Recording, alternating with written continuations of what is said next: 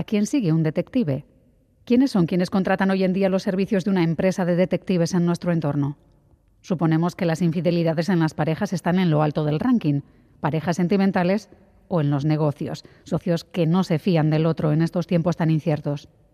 Puede que la política sea otro nicho de mercado, saber qué esconden en el armario tus compañeros de partido por si un día quieres medrar. Las razones de quienes les contratan muchas, sus formas de seguirnos la pista en persona o en nuestras redes sociales todavía más. Hoy intentamos meternos en la piel de una detective privada. Soy Miriam Duque, la encargada de abriros esta Gambara Negra, un podcast de crónica negra en el que hacemos que ciencia, especialistas y pruebas hablen más que nosotros para recomponer la actualidad y tratar de entender la mente de quienes se escoran al lado oscuro. Arancha Busto, de Investigaciones Privadas, NOR, Detectives Privados en Donostia. Arancha, ¿qué tal? ¿Cómo estás? Hola, ¿qué tal? Bueno, investigadora, detective, no sé cómo explicas tú en qué consiste exactamente tu trabajo.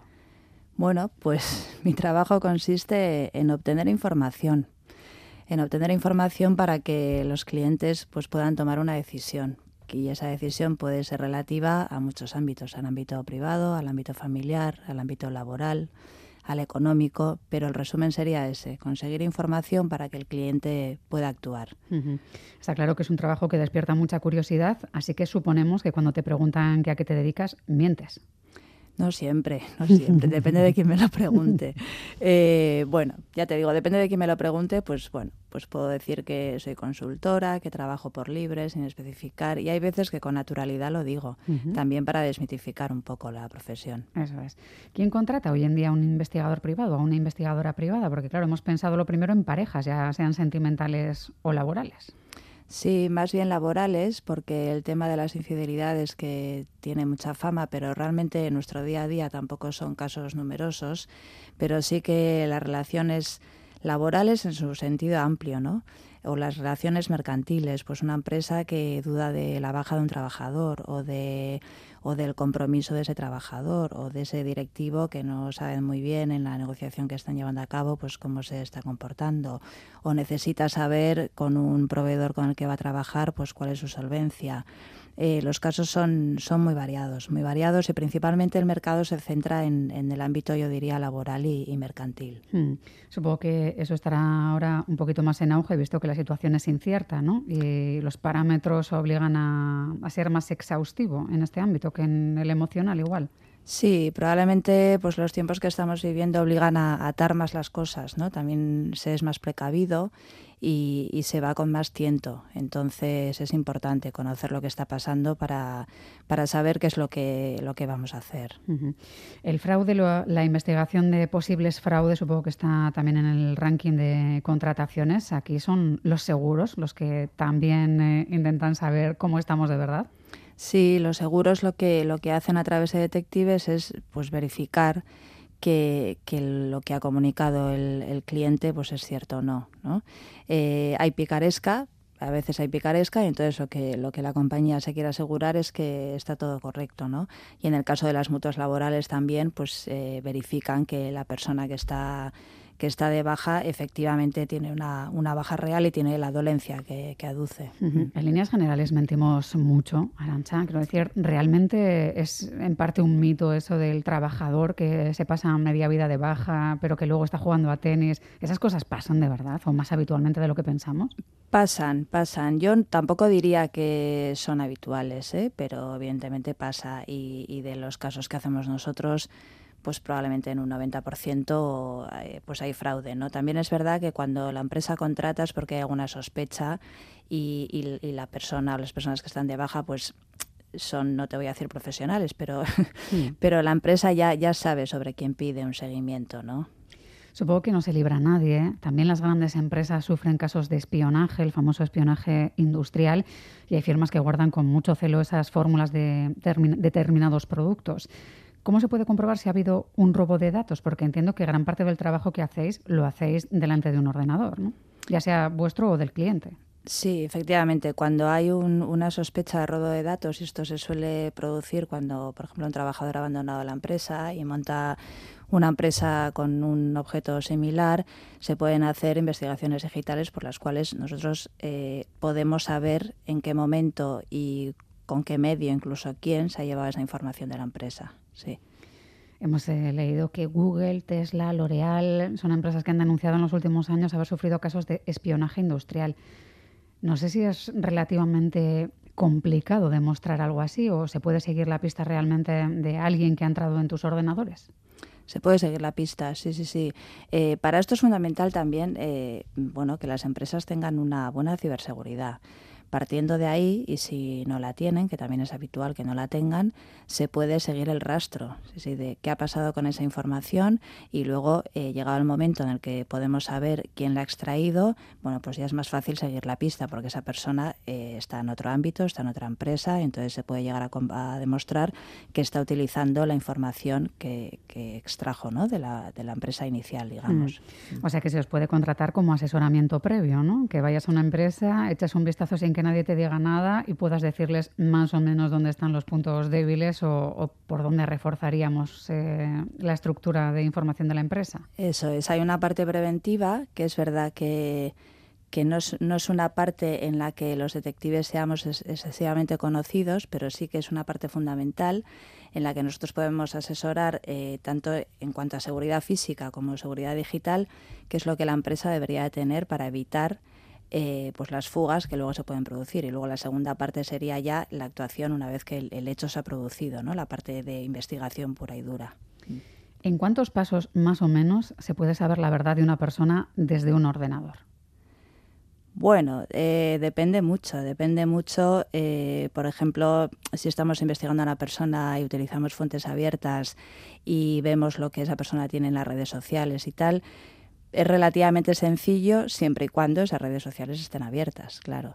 Luego, si no están abiertas, pues podemos utilizar otros métodos eh, legales, pero me refiero, mm, igual que te haces amigo de alguien en un bar, pues intentar hacerte amigo de alguien a través de las redes, ¿no? Eh, en el caso ya de investigaciones digitales que que estemos hablando, como decíamos, de extraer información o de saber qué es lo que ha pasado con esa información, es cuestión de analizarlo. Primero se extrae esa información y luego ese análisis puede llevar pues más o menos tiempo, una semana, diez días, más o menos ese tiempo. Siempre vamos con, con una pauta, ¿no? La empresa sabe normalmente cuál es la información que se ha llevado. Entonces, eh, lo habitual es que sepamos qué es lo que estamos buscando. A veces tenemos la sensación de que nos pueden llegar a investigar por mentir, pero también quien acude a vuestro despacho puede mentir en un alto porcentaje de casos. ¿No cuenta realmente por qué os pide que investiguéis a alguien? ¿Eso pasa? Normalmente no pasa, normalmente no pasa y si nosotros detectamos que algo está fallando, pues es porque, porque lo que nos está pidiendo realmente no es lo que quiere, ¿no? Eh, nos está pidiendo algo para obtener otro tipo de información. Entonces, eh, bueno, ahí entra nuestro sexto sentido y si nosotros vemos que no hay legitimidad para pedir la información que nos está solicitando, pues el caso no se hace. Es, importantísimo que en todos los casos, eh, bueno, importantísimo y obligatorio que en todos los casos la parte del cliente que nos pide esa información esté legitimado para ello. Y eso es lo primero que nosotros comprobamos. Y si en un momento dado, ya te digo, nos da un poco que no, no nos está diciendo la verdad, pues nos hace el caso. ¿En qué casos puedo yo no estar legitimada para pedirte cierta información? ¿En qué caso tú me dirías eso no se puede investigar? Por ejemplo, uno que en todos aquellos en los que tú no tengas un interés legítimo. Por ejemplo, em, vamos a suponer que mm, tú quieres saber, eh, alguien de tu vecindad está haciendo algo en tu portal que os afecta a todos, yo qué sé, eh, os tira algo en el portal, tú estás legitimada pues porque estás sufriendo un daño y quieres saber quién lo está haciendo. Pero si tú me pides, eh, quiero saber el vecino que tengo enfrente, qué vida lleva, no estás legitimada en absoluto para pedirme esa información. Aunque a mí me alterase mucho el ruido y el nivel de problemas que puede generar, yo no tengo derecho a esa información en mm, principio. Si, te está generando un perjuicio, sí, pero si tú quieres saber simplemente por saber la vida que lleva, porque te parece estupendo el vecino, pues no. Hay que tener unos parámetros en los que controlar que, que no nos pidan cosas imposibles. Eso es. En este tiempo de mascarillas, no sé si ha sido más fácil o más difícil, porque claro, lo que os perdéis en gestos cuando vais vigilando a alguien, que entiendo que todos somos más parecidos y vamos eh, con chubasquero y mascarilla, mm. pero también pasáis más desapercibidas. También, también, claro, es más fácil y, bueno, nos da, nos da el recurso de cambiarnos de mascarilla, ¿no? Mm. Cuando entramos a los sitios. Eh, al sí, más fácil que una peluca. Eso es. Mm. Al principio de la, de la pandemia, pues eh, bueno, nos teníamos que fijar pues en cejas, en pelo, más en la forma de andar. Ahora que solo hace falta la mascarilla para entrar en interiores, pues si estás siguiendo a alguien dices, uy, saca la mascarilla, este va a entrar en algún sitio. o sea, mm. que en parte mm. para algunas cosas nos ayuda y, y al principio pues sí que nos despistaba un poco y luego es como todo, te acostumbras, la verdad. No sé si una cuando trabaja en esto del ámbito de la investigación privada procura no ver series de detectives eh, por hartazgo, pero claro, eh, la parte de investigar a políticos también está bastante trabajada. El más reciente seguramente te suena, sonaba más o menos así. En las primeras semanas de diciembre del año pasado corrió el rumor de que se había contratado o intentado contratar los servicios de un investigador privado. Y seguía así. Nunca pude imaginar que la Dirección Nacional de mi partido iba a actuar de un modo tan cruel y tan injusto. Bueno, empezaba el asunto como investigar unos datos o unos contratos y acababa saltando o explotando un caso de que se había contratado un detective privado para analizar cómo estaba la situación de, de una persona, de una política. ¿La política también tiene un filón hasta donde podáis contar? Bueno, la política tiene un filón como cualquier otra entidad. Es que aquí lo que hay que aclarar en este asunto es que eh, bueno, se estaban pidiendo unos documentos que es ilegal conseguir. Tú no puedes conseguir, nosotros no podemos conseguir documentos de Hacienda ni documentos bancarios. Otra cosa es que el partido político como entidad jurídica, igual que cualquier empresa o cualquier fundación o cualquier asociación, detecte que, que hay un comportamiento, digamos, que no se ajusta a la norma y entonces pida investigarlo. Distinto sería el caso en el que un partido político o cualquier miembro de ese partido político pida investigar a otra persona de ese partido para, llamémoslo así, sacarle los trapos sucios. No, porque ahí no hay ninguna legitimidad. Pero si hubiese algún hecho, vamos a suponer, eh, creo que esa persona del partido desvía dinero. Bien, el partido como entidad está legitimado para ver qué está ocurriendo ahí. Pero en el caso de, hace dos semanas, pues no era eso lo que se estaba pidiendo. Se estaba pidiendo una extracción de documentos que en ningún momento podemos hacer porque es ilegal. Hmm. No sé si te ha tocado en alguna ocasión seguir a, a alguien del sector. No, no, a mí no me ha tocado. Y en el caso de personas particulares funciona un poco igual. Si mi vecino llama diciendo, yo te llamo para preguntarte por información del vecino, podrías darme cierta información, pero nunca su declaración de la renta o una copia del contrato, ¿funcionaría en ese sentido parecido? Jamás, sí, sí, sí. O sea, hay, hay información que es totalmente ilegal conseguir y, por lo tanto no podemos conseguir. Eh, cuando te pongo un ejemplo, cuando una empresa eh, tiene una persona eh, de baja laboral y dice yo creo que está trabajando en otro sitio, pues la manera de saber si está trabajando en otro sitio es haciendo un seguimiento a esa persona y ver si efectivamente ejerce otra actividad, pero en ningún momento podemos acceder a ninguna base de datos de seguridad social ni nada parecido para ver si esa persona está trabajando en otro sitio.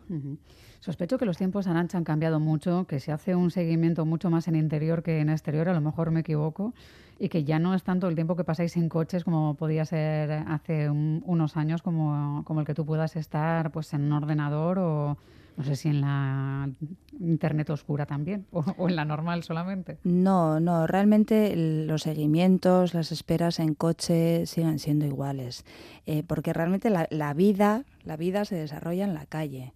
¿No? Otra cosa es que, a través de lo que te decía antes, de las redes sociales, tú puedas obtener determinada información que te sirve eh, como algo concluyente o te sirve para iniciar un trabajo, ¿no? por ejemplo. Pero, pero la realidad es que nosotros estamos muchísimo en la calle, hacemos muchos seguimientos y hacemos muchas esperas en el coche. ¿Y qué es lo que más toca? ¿Hacer fotos con teleobjetivos o estamos ya en, en, una era de drones en los que los parámetros de tomar informaciones han cambiado muchísimo también? No, nosotros habitualmente utilizamos cámaras de vídeo lo más discretas posibles. Si estamos a mucha distancia, pues puedes utilizar otro tipo de, equipamiento y, y, luego cámaras ocultas, y que es el, pues bueno, la base de nuestro trabajo muchas veces.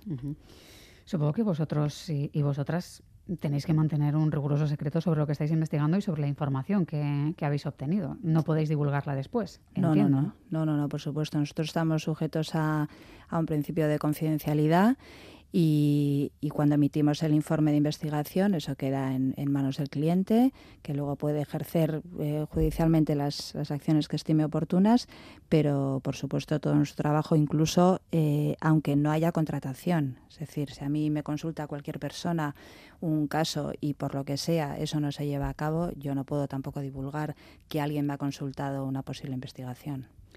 No sé si puedes decirlo o no, pero ¿cuál sería el caso más complicado que has tenido en tu carrera? O el sector al menos de, tipología. Pues para mí el, más complicado son los casos, bueno, me estoy acordando de uno en concreto, pero los que se desarrollan en, polígonos industriales aislados.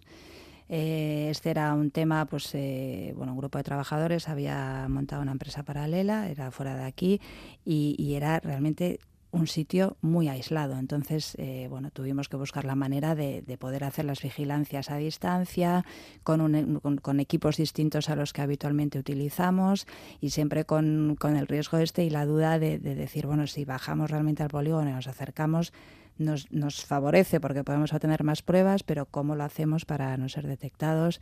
Bueno, fue bonito, la verdad es que fue bonito porque te te obliga a, ser imaginativo ¿no? y a ser creativo. Hmm. está muy bien. ¿Y alguna vez, además de bonito, ha sido peligroso o habéis tenido la sensación de que no estaba gustando que investigarais en, algún ámbito?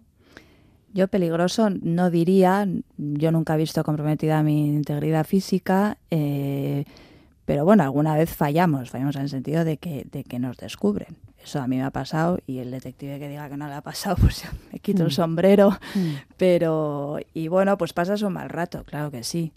Pero bueno, ¿Y el procedimiento que es? avisar al cliente de que ha sido localizada y poner a otra persona a hacerlo de otra forma. Eso es, cambiar la estrategia. Si, si eso se produce al final del caso, cuando ya tienes mucha información, pues bueno, pues igual no hace falta. Y si es a mitad del caso al principio, pues cambias estrategia, dejas, como se suele decir, enfriar un poco el objetivo, ¿no? Y vuelves a, la carga. Pero eso a veces pasa, sí, eh, no somos infalibles, claro. Arancha, eh, eh, es un trabajo apasionante, lo parece. ¿Volverías a, ejercer de investigadora privada si volvieras a empezar? Sí, sí, yo sin duda. Mi caso es vocacional y, y es, ¿cómo definirlo? Es muy bonito. Mm. es muy bonito, conoces a mucha gente distinta, cada caso es diferente, tiene su parte mala, esas esperas para, como digo yo, un minuto de gloria y a mm. veces menos, ¿no? pero es muy bonito y además mm, tienes la sensación, y así es, de que, de que ayudas a, tu cliente, porque lo que haces es que él pueda luego ejercer sus, derechos ¿no? y se pueda defender. Y, es muy bonito, la verdad. Sí. Pues ha sido un placer descubrirlo. No sé si recuerdas que despertó tu vocación, Arancha, o empezó hace tanto que, que, uno no se acuerda. Bueno, un poco, pues sí que veía muchas series, leía mucha Gata Christie, mucho, mucho, de adolescente, y, yo creo esto se aprende, como todo, pero también tiene parte de, innato. Pues leer siempre es bueno porque nunca sabes hacia dónde va a depararte el futuro y puede que encuentres ahí tu vocación. Arancha Busto, de Investigaciones Privadas NOR, Detectives Privados en Donostia, muchísimas gracias. Es que recasco, ha sido un placer charlar contigo como siempre. Sube y Berdin, es que recasco, agur. Cámara Negra, el podcast de crónica negra e investigación, te espera en el lado oscuro.